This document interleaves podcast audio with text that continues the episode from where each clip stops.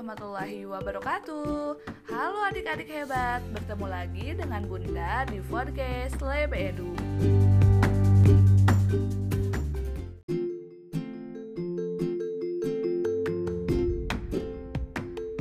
Assalamualaikum warahmatullahi wabarakatuh. Halo adik-adik hebat Bertemu lagi dengan Bunda di podcast Lebe Edu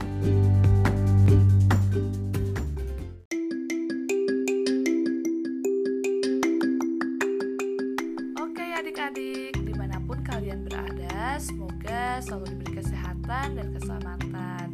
Nah adik-adik, sebelumnya Bunda mau mengucapkan terima kasih nih. Adik-adik mau mendengarkan podcast Bunda kali ini.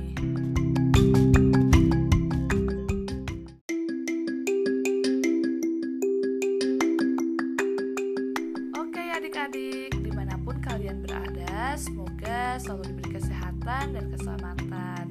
Nah adik-adik, sebelumnya Bunda mau mengucapkan terima kasih nih. Adik-adik mau mendengarkan podcast Bunda kali ini.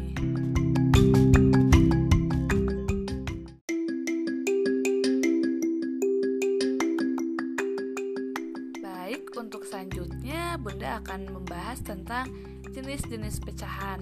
Nah, untuk adik-adik di sekolah dasar, biasanya ada materi tentang pecahan biasa, tentang pecahan desimal, pecahan persen, dan lain-lain. Nah, pada podcast kali ini Bunda akan menjelaskan tentang jenis-jenis pecahan secara singkat.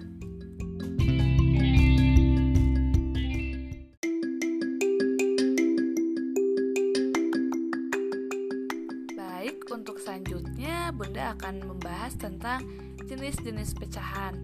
Nah, untuk adik-adik di sekolah dasar, biasanya ada materi tentang pecahan biasa, tentang pecahan desimal, pecahan persen, dan lain-lain. Nah, pada podcast kali ini Bunda akan menjelaskan tentang jenis-jenis pecahan secara singkat.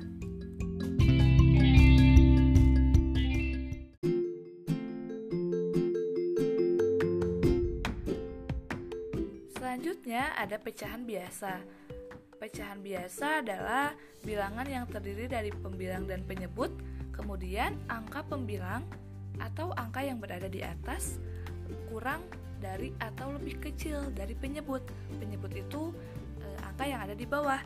Misalnya 5 per 10. 5 merupakan pembilang, 10 merupakan penyebut. Jadi 5 lebih kecil daripada 10.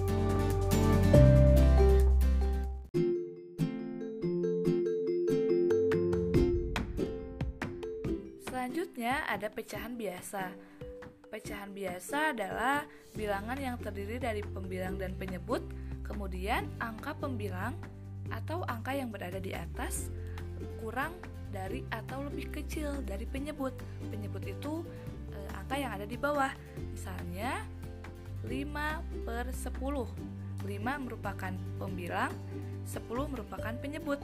Jadi 5 lebih kecil daripada 10.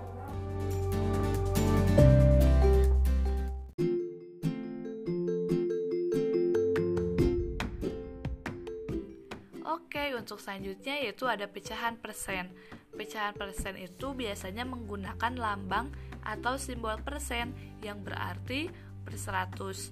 Misalnya ada angka 5%, artinya 5 per 100. 12% artinya 12 per 100.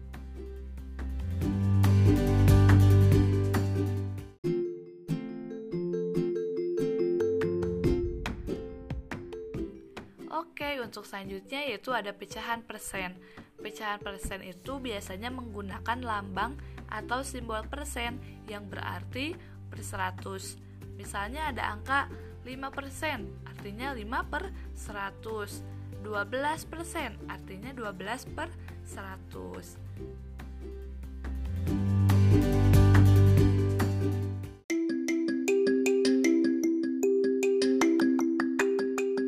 Oke adik-adik, sekian yang dapat Bunda sampaikan. Semoga adik-adik bisa memahami jenis-jenis pecahan yang Bunda jelaskan pada hari ini. ternyata adik-adik pecahan itu bukan hanya pecahan biasa. Kadang kita taunya pecahan itu dalam bentuk A per B, misalnya 2 per 3, 5 per 9, dan seterusnya. Tapi ternyata ada dalam bentuk desimal yang ada komanya, ya ada dalam bentuk persen yang ada per seratusnya, ada yang per seribu. Nah, ini sebagai langkah awal adik-adik untuk belajar tentang pecahan yang akan dipelajari lebih jauh dalam pembelajaran secara langsung. Ya, terima kasih ya adik-adik sudah mendengarkan podcast Bunda. Sampai jumpa di pertemuan selanjutnya di podcast Lab Edu. Sampai jumpa. Wassalamualaikum warahmatullahi wabarakatuh.